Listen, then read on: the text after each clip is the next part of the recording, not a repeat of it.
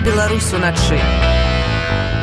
Дональд Трамп фундаментальная пагроза амерыканскай дэмакратыі так у сваёй першай перадвыбарнай прамове 2024 года прэзідэнт ЗША Джо байден папярэдзіў выбаршчыкаў аб небяспецы якая пагражае мірыцы калі да ўлады вернецца рэспубліканец Трамп про тое ці сапраўды амерыканскай дэмакраты можа хоць нешта пагражаць у залежнасці ад таго хто кіруе краінай а таксама чаму дэмакраты і рэспубліканцы ставяць на сёлетніх выбарах на кандыдатаў сталага веку Амерыку празмаўляем з госцем радыё унет амерыканістам былым супрацоўнікам амерыканскай амбасады ў беларусе антонам пяньковскім антон добрай ночы Здрасте.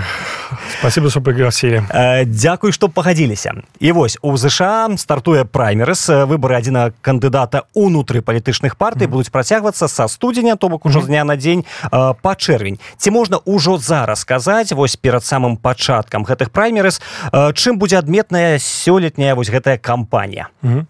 На самом деле американскую демократию ждет очередной вызов, который я уверен, что американская демократия с с присущей стойкостью преодолеет.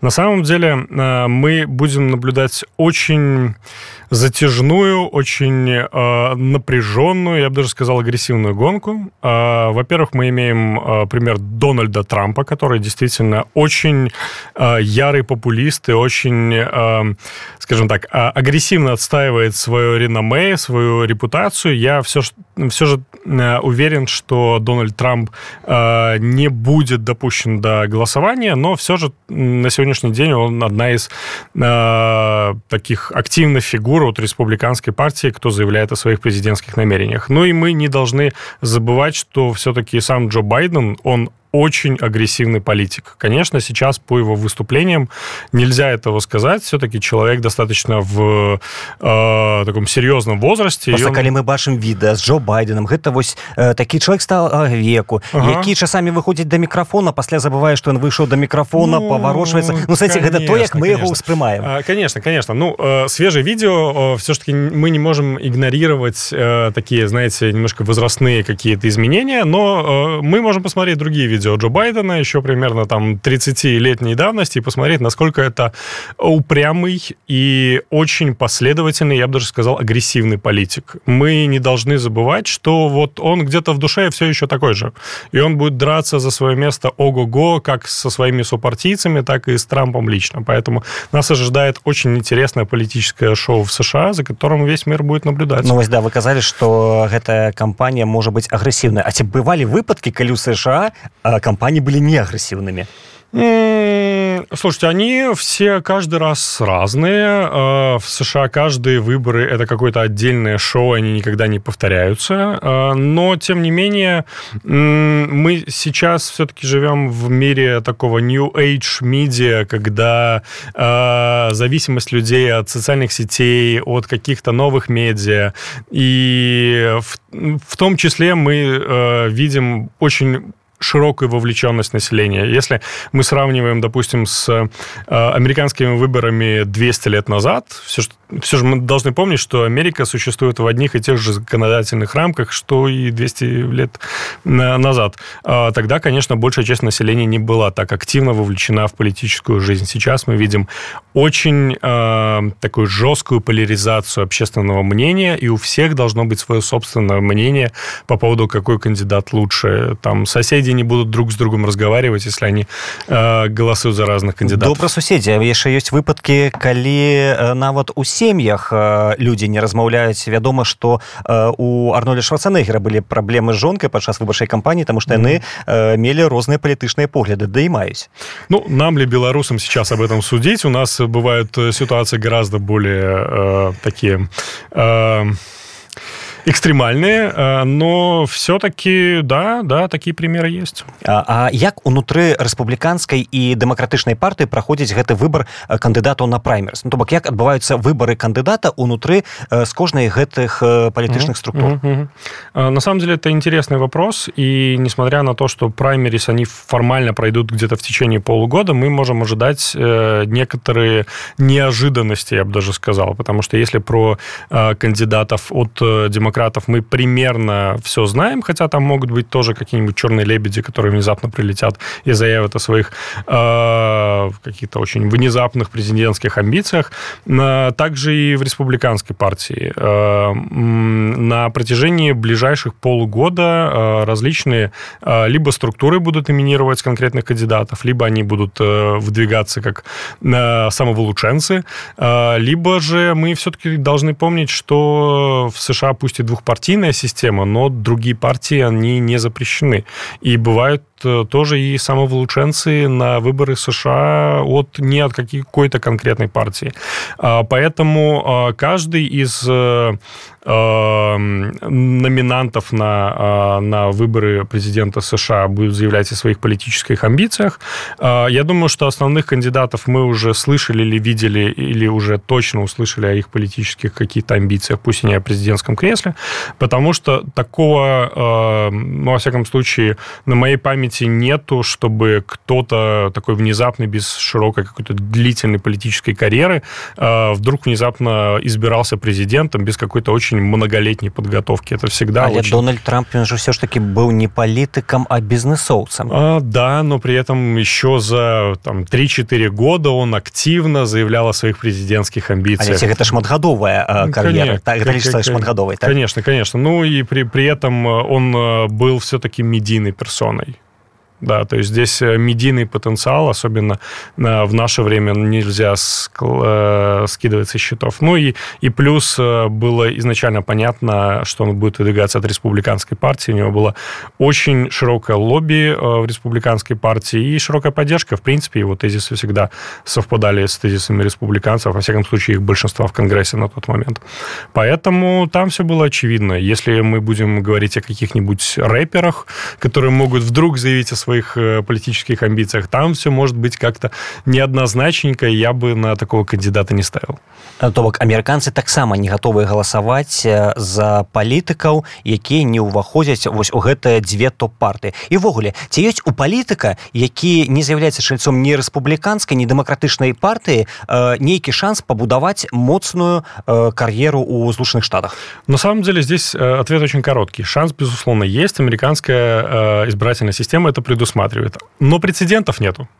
то есть прецед... і не будзе і нават калі кані вест ці не ведаю хто там зараз адзін з самых папулярных асобаў ну не ведаю рэпер якога ведае ведаюць усе злучаныя штаты захоча стаць прэзідэнтам Ілон маск да? Ілон маск які-небудзь ну вось владимир зеленскі стаў кіраўніком з самай вялікай еўрапейскай краіны mm -hmm. чаму ЗША такое немагчыма uh, ну uh, слушайте uh, во-первых uh, здесь важен все-таки медийный uh, медийная подготовка нельзя отрицать что у владимира зеленского она все-таки была и достаточно такая э, основательная и, я бы даже сказал, многолетняя, э, несмотря на такое его изначальное происхождение из э, медийного бизнеса.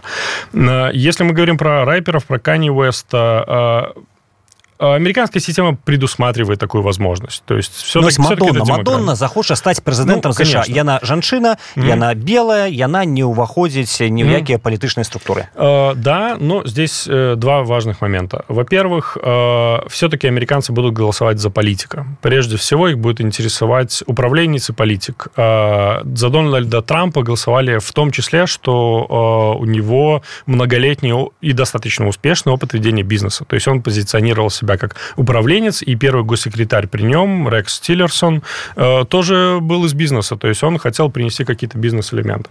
Э, ну и вторая, э, второй момент – это все-таки не прямые выборы в США. То есть люди, которые голосуют за конкретных кандидатов в своих бюллетенях в США, они голосуют на самом деле за списки выборщик, выборщиков, которые честно обязуются, что они проголосуют за того кандидата, за которого проголосовали голосовали люди, которые их избрали, скажем так, под портретом конкретного человека. У нас есть прецеденты, когда эти люди нарушали свое честное обещание. В некоторых штатах это даже незаконно. Вас могут наказать, о боже мой, штрафом примерно в тысячу долларов. Это жах. Ну, да, да, да, да. В любом случае, мы знаем прецеденты, в том числе и на предпоследних выборах, когда, собственно, победил Дональд Трамп, когда нашлись вот такие недобросовестные выборщики, которые проголосовали не за того кандидата, за которого они, по по идее, должны были проголосовать. Поэтому и вот этот вот буфер в виде выборщиков, которые должны быть все-таки, скажем так, тоже политического происхождения, то есть там не будет очень, скажем так, эксцентричных гражданских активистов или рэперов, там все-таки будут тоже политические деятели, либо люди, аффилированные с той или иной политической партией. Поэтому они в том числе тоже будут голосовать за политиков.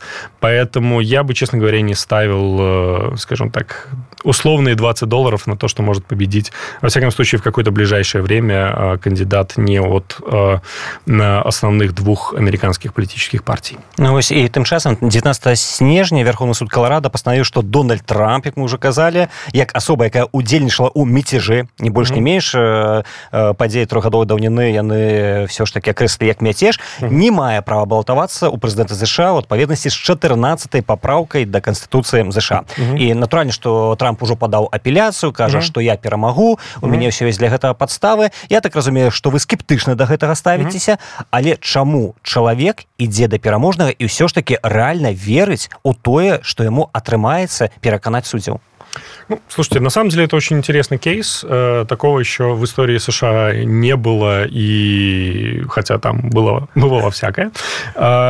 мы тут должны понимать э, следующий факт. Э, Дональд Трамп сейчас э, борется не только за президентское кресло, он борется во многом за свою репутацию. Ему нужно восстанавливать свою репутацию, ему нужно отбиваться от огромного количества судебных исков, которые э, уже, кажется, привели его э, юриста э, Джулиани к банкротству.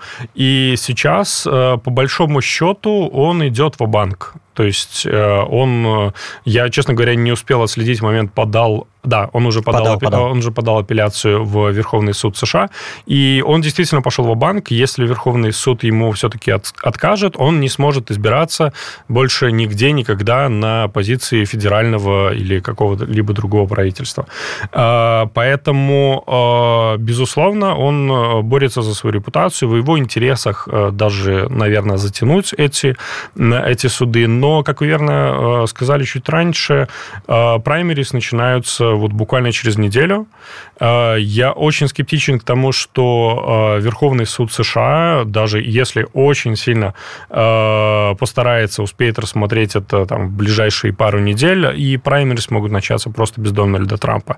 И вот все то время, что Верховный суд это будет рассматривать, я уверен, что там будут какие-нибудь интересные судебные неожиданности, представлены какие-нибудь интересные доказательства, в частности, то, что у Дональда Трампа находили какие-то секретные папки с э, информацией от разведки в его э, личных, э, э, на его личной жилплощади, скажем так. Э, поэтому э, в любом случае э, затягивание этого процесса, скорее всего, приведет к тому, что Дональд, Трамп просто не успеет э, достаточно себя представить на праймерис и, соответственно, баллотироваться от республиканской партии. Однако то, что он сейчас делает, э, во многом может быть э, на руку республиканской партии, потому что он может выступить некоторым тараном определенных идей, через какое-то время, уже полностью погрузившись в свою, скажем так, историю защиты своих личных интересов, полностью передать, что называется, накопленный пиар и медийный опыт с какими-то конкретными тезисами, которые он верит, что откликаются у американского общества, а потом передать какому-то какому-то другому кандидату, который может перехватить вот упавшее, почти упавшее знамя Трампа. не будзе гэта чорны пиар ну то бок э, Трамп які э, прайграў судзе на якім крымінальныя справы і тут ён э, так мовіць апаганьвае сваю партыю і перадае гэты сцяг наступнай асобе ці не засуляе гэта ў мінус слушайте скорее всего нет потому что в Соединенных Штатах уже достаточно сторонников Трампа их достаточно много причем даже в известно демократических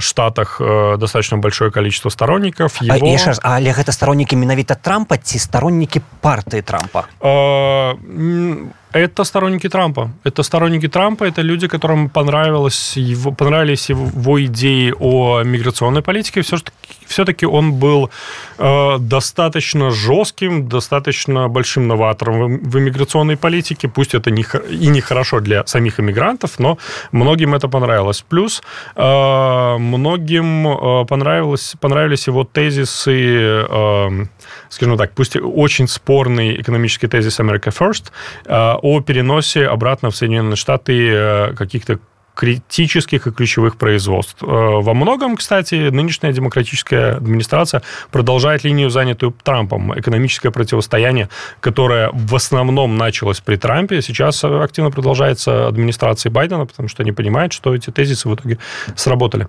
І дарэчы роўна ж тры гады таму адбыліся гэтыя падзеі якія называют там мятежом да калі прыхільнікі трампа уварваліся у будынак капітолія і э, спрабавалі зрабіць так каб Джо байден не уступіў на сваю пасаду прэзідэнта. І тады многія казалі што гэта паказчык дэмакраты сапраўднай дэмакраты. Ці вытрымае яна вось такі ціск?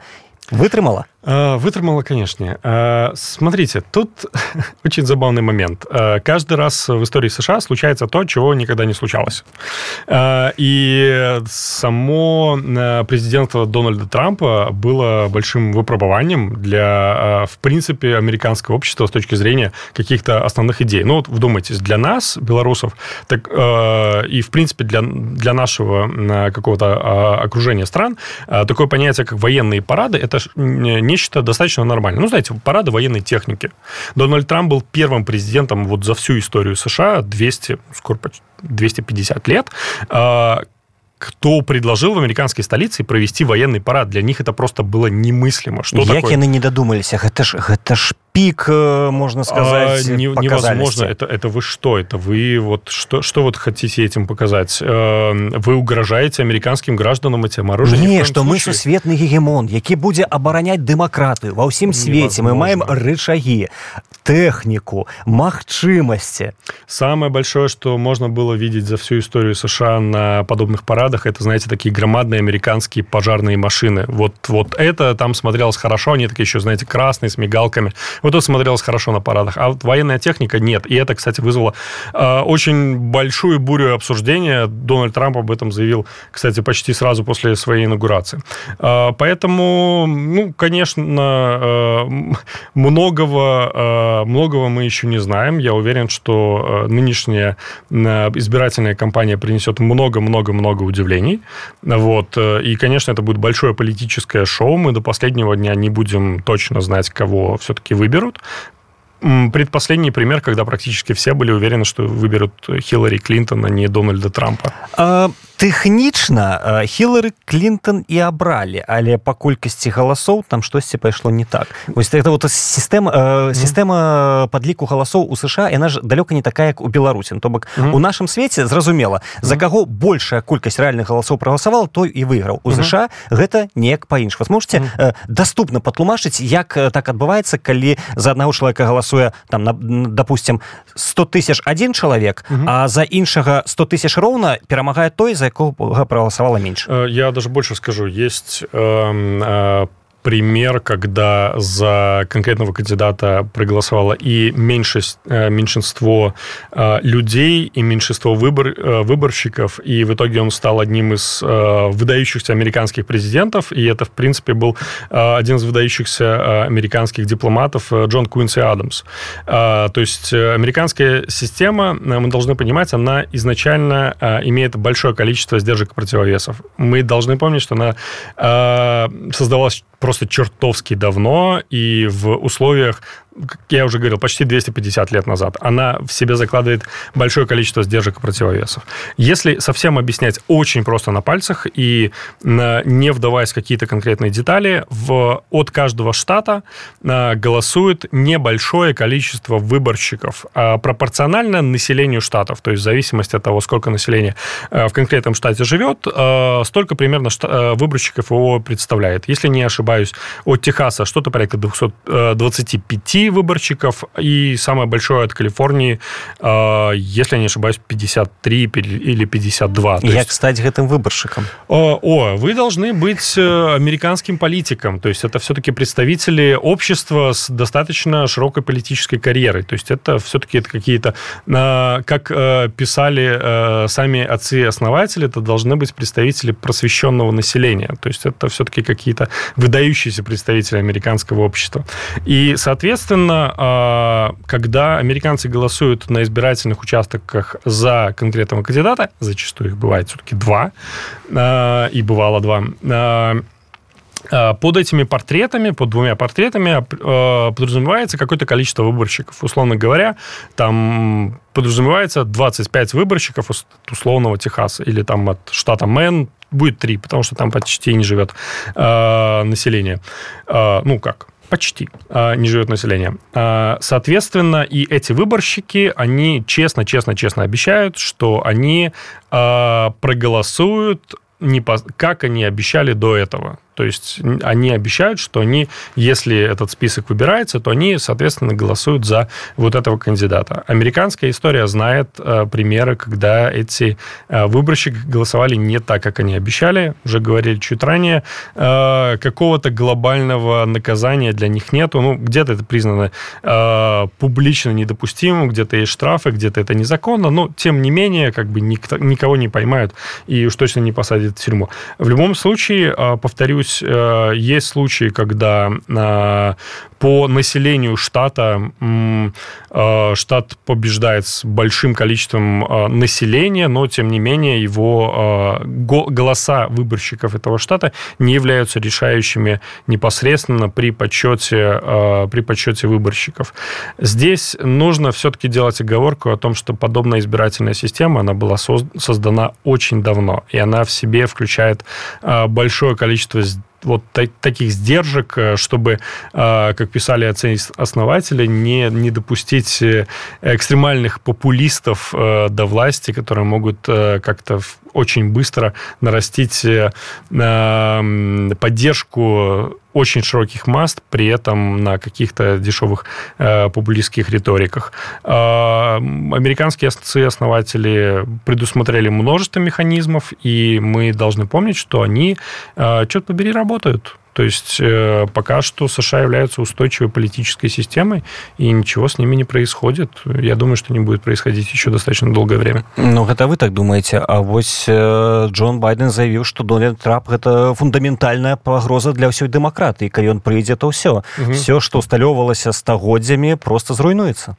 А, ну, здесь мы возвращаемся к самому началу нашего разговора про а, агрессивность э, Джо Байдена. Ну, агрессивность в хорошем в плане, но он достаточно достаточно прямолинеен в своей, э, в своей э, борьбе с конкурентами. Здесь можно э, даже вспомнить буквально вчерашнее его заявление, где он приветствовал эм, договоренность двух партий о федеральном бюджете. Это буквально там, пять предложений э, на один абзац, где он э, вернул достаточно э, увесистую колкость в, в адрес э, республиканской партии, которая, по его мнению, не права, э, и пожелал им скорейших действий, как они, собственно, и обещают. То есть Джо Байден э, только на каких-то э, таких, э, скажем так, официальных э, видео выглядит очень безобидным дедушкой. Это прожженный политик, и он не упускает случая э, как-то укусить своих конкурентов, ну, укусить формально так, э, в метафорическом смысле. Соответственно, конечно, он будет э, и бороться с Дональдом Трампом. Я более чем уверен, что э, будет использован весь медийный ресурс э, э, демократической партии, чтобы э, непосредственно перед решением Верховного суда оказать э, как можно больше медийное давление на происходящую ситуацию. Ну, вось мы кажам про тое что Джо Байден будзе змагацца з Дональдом трампом mm -hmm. але як так атрымоўваецца что у ЗША у краіне магчымасцяў -hmm. за пасаду прэзідэнта змагаюцца два палітыка даволі сталага ўзросту то бок на момант выбараў mm. аднаму з іх будзе 78 mm -hmm. іншаму 82 дзе mm -hmm. дарога маладым як так атрымоўваецца што у цэлай Амерыцы няма магчымасці маладым э, інтэлектуальным перспектыўным палітыкам прабіцца каб выйсці наверх у гэтай сёй структуры это очень интересный вопрос, и, конечно, э, формально американская система предоставляет все возможности. То есть формально любой человек э, имеет возможность номинироваться на выборы. А, то есть это дорога открыта, не как э, у режима Лукашенко, где у тебя есть куча э, таких формальных условий, которые ты должен э, соблюсти. Эм, конечно, любой американский гражданин при там, соблюдении каких-то базовых формальностей может быть избран. А, однако все-таки американцы голосуют за политика. За политика с э, историей, за политика с политической карьерой, за политика с принципами и в том числе за политика, который в данный момент отражает какие-то тренды э, американского общества, тренды американской экономики.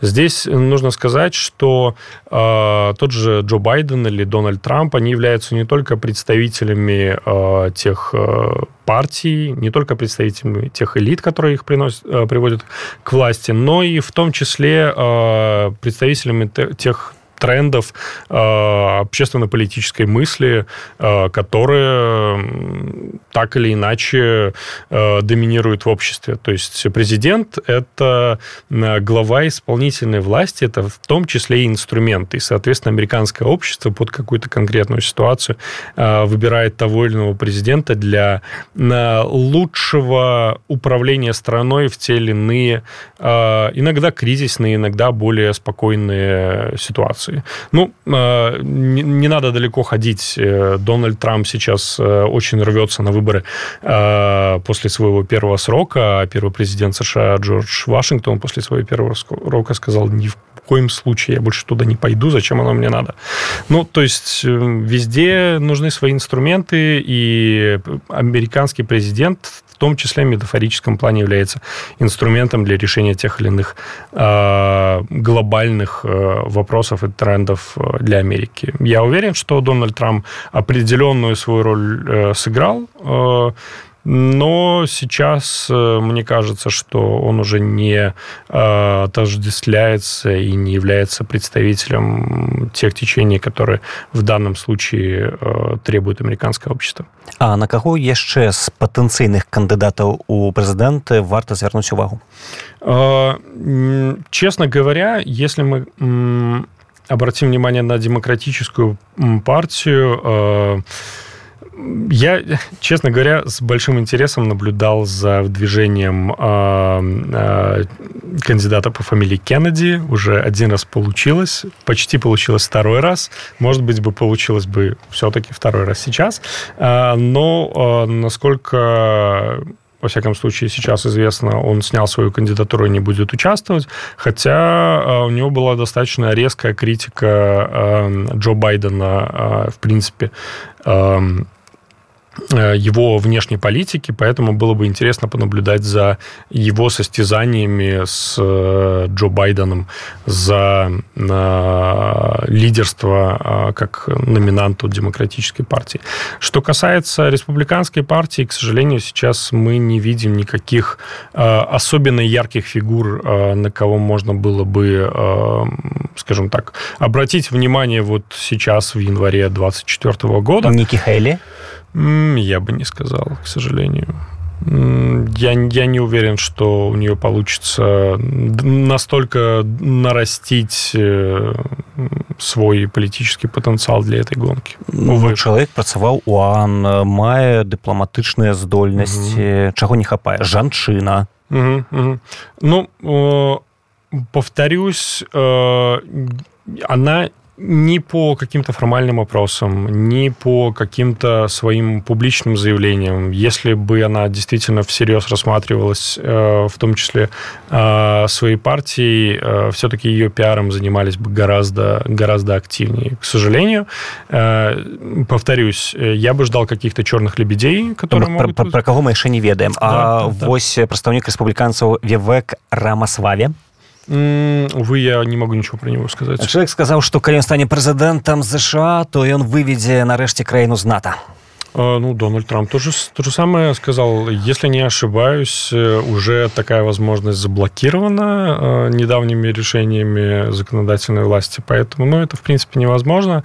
А, опять-таки, это популизм, который э, понятен американским избирателям, потому что они все-таки ощущают серьезное давление на свои кошельки, на свои налоги от того, что происходит очень-очень далеко от их домов и городов.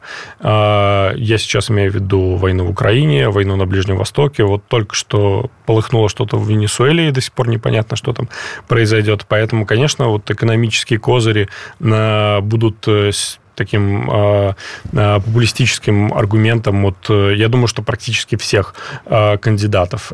Соответственно, э, когда кто-то заявляет о выводе страны из НАТО, кажется, Дональд Трамп из ЮНЕСКО выходил, из Парижского соглашения Пакуль по климату. Да, ну вот потом вернули. Аппоненты перашкаджаюць уже ў гэтым праблема ну конечно конечно поэтому мне кажется что опять-таки это ну достаточно понятный и простой политический ход без серьезной, э, без серьезных предложений. Тот же Дональд Трамп, э, повторюсь, несколько лет назад заходил с достаточно более оригинальных идей, и в том числе и э, технологического, экономического противостояния Китаю, что на тот момент звучало здраво и достаточно оригинально.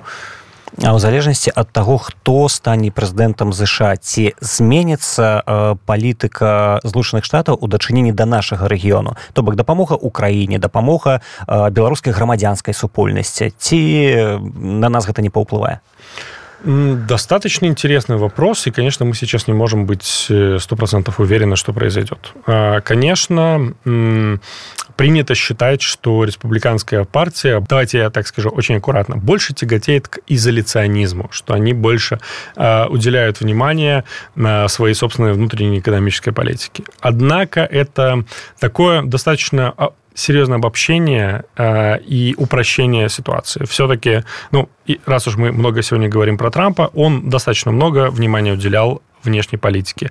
А, мы помним, а, сколько шума он наделал на том же самом Ближнем Востоке, когда перенес американское посольство из Тель-Авива в Иерусалим, чем, а, давайте честно скажем, взбесил весь арабский мир, который не хочет признавать Иерусалим за государством Израиль. За время президентства Трампа, опять же, количество помощи, допустим, нашему региону или, в частности, Беларуси, достаточно серьезно не изменилось. А, конечно, а, республиканцы и, в частности, Дональд Трамп, есть более агрессивные голоса, а, в частности, и академической среды, которая работала у него в National Security Council, Национальном совете по безопасности, говорят о том, что, конечно, поддержка Украине уже превышает все возможные объемы, и где-то придется останавливаться.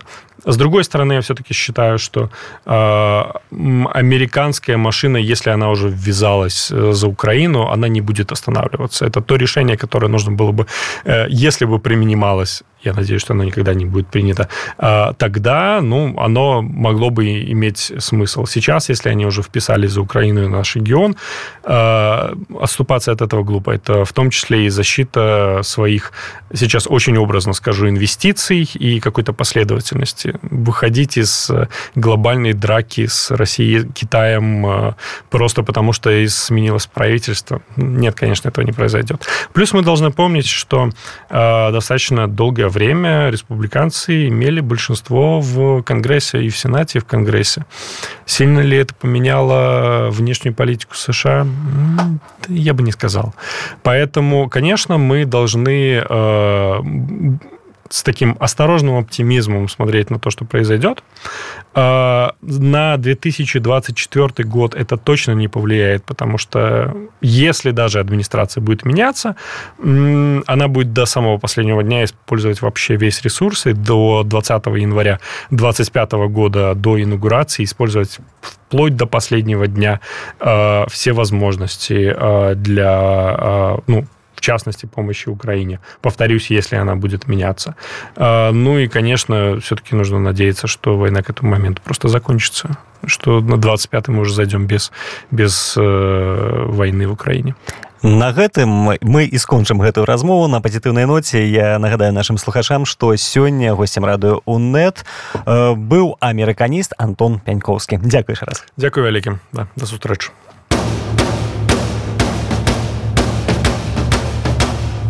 жыве Беларусь